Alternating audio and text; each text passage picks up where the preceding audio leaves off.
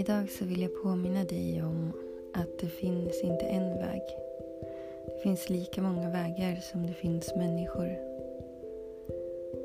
Det är märkligt hur vi har lärt oss att eh, gå en och samma väg. Att det finns ett spår eller en möjlighet lika för alla. Men så är det ju faktiskt inte. Det jag har kommit fram till är att stilla alla sina tankar och yttre informationer om vad som är rätt och fel att göra för en genom till exempel meditation eller vara ute i naturen eller liknande för att hitta in till sin inre, till sin inre känsla och vilja. Där man verkligen känner vad som är rätt för sig själv och följa det.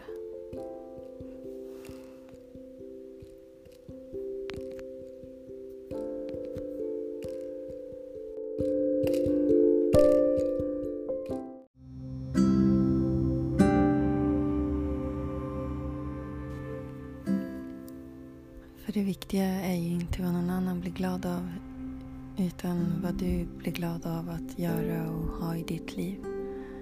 Att fylla din vardag med, att fylla ditt hjärta av för att expandera och leva ett meningsfullt och kärleksfullt liv i överflöd för just dig.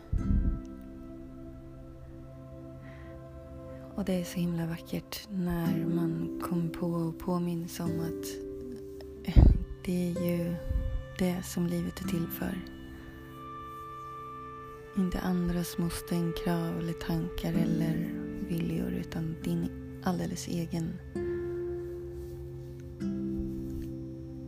Så min uppmuntran till dig är att skriva en lista på vad som gör dig glad, vad som du mår bra av och vad du tycker är meningsfullt.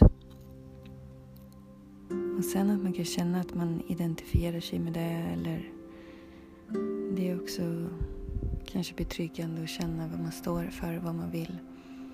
Det är lätt att tappa bort det bland alla andras åsikter och tankar och yttre påfrestningar. Så ta den listan och sen se till att fylla på med mer av det i ditt liv. Lite varje dag, lite varje vecka.